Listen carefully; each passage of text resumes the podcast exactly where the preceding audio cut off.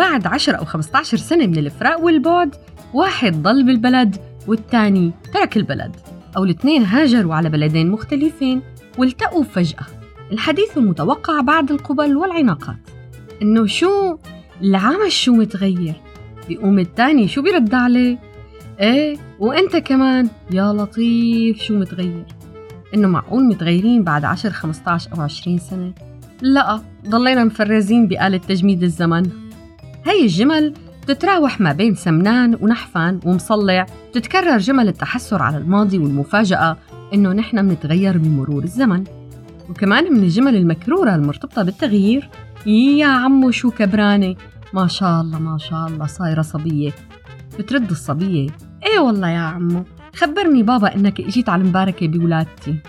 أو جملة العمش يا أزعر طلع لك شوارب. والله امبارح كنت عم تلعب فوتبول بالحارة. بيرد الشاب إيه يا عمو بعد ما خلصت الدكتوراه تبعي كان لازم يطلع لي شوارب.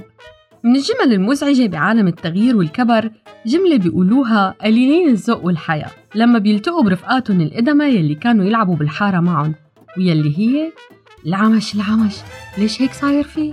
وبهي الجملة بيلخص الشخص السئيل كل الأزمات المالية والعاطفية يلي مرق فيها صديقه بجملة واحدة. بعدها في احتمال رفيقه يروح ينتحر. طبعا في جمل أكثر لباقة وفيها من الدبلوماسية كم بس ما بتخبي الحقيقة.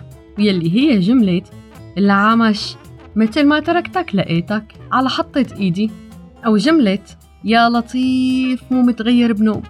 طبعا الصديق يلي سمع هي الجملة لازم يكون مدرك تماما لحجم الصلعة يلي باقية وتتمدد برأسه والكرش يلي ناتعه والنظارات يلي مشنقلن بالإضافة للهالات السوداء يلي تحت عيونه هون مع جملة العمش مو متغير أبدا الأشخاص بيكونوا عدة أنواع. نوع بيقول إيه والله شايف؟ مع ابتسامة بخباية بتدل على الفخر إنه هو مو كبران. هذا الشخص يا معه عمى سنين يا أما أهبل. في نوع تاني بيقول إيه والله شايف؟ بدون ابتسامة أو مع ابتسامة ساخرة.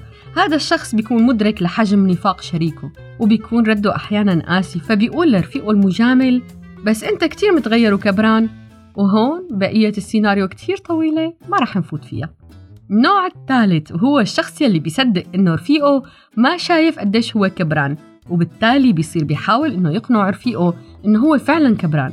فبيقول يا زلمة شلون مو كبران؟ اطلع منيح لك شوف الشيب شوف أكل راسي شوف الصلعة. يا زلمة ما عم بقدر بمشي آخ من وجع المفاصل. وبيكون رد رفيقه المجامل لا ابدا ما متغير ولا نتفه وهون بيتحول الشخص الأول لأحدى بنوتردام أصيب بكل أنواع الأمراض خلال العشر سنين الماضية وبمحاولة يأسي منه أنه يقنع رفيقه أنه هو كبران. بس الصديق المجامل بيستمر بعبارات مثل لك يا زلمة كأنه لسه هلأ عم نلعب بالحارة. أو مستحيل مستحيل لا تقلي مستحيل صدق إنه هيك صار عمرك.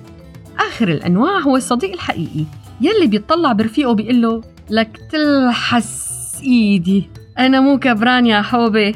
شو عم بتطبقني ليكون طلع من هالبواب طع عمرك؟ ما ناقص غير تقلي حليان يا ضرسان.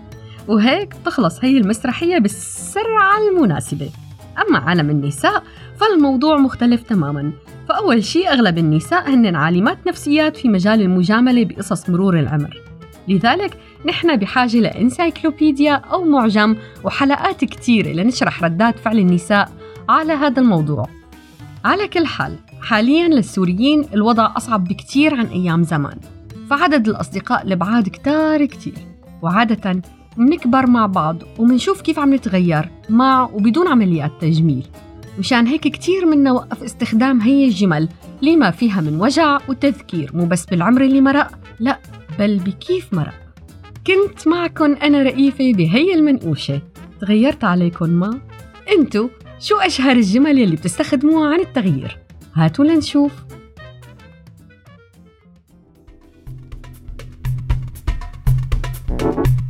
المنقوش معي. أنا رئيفة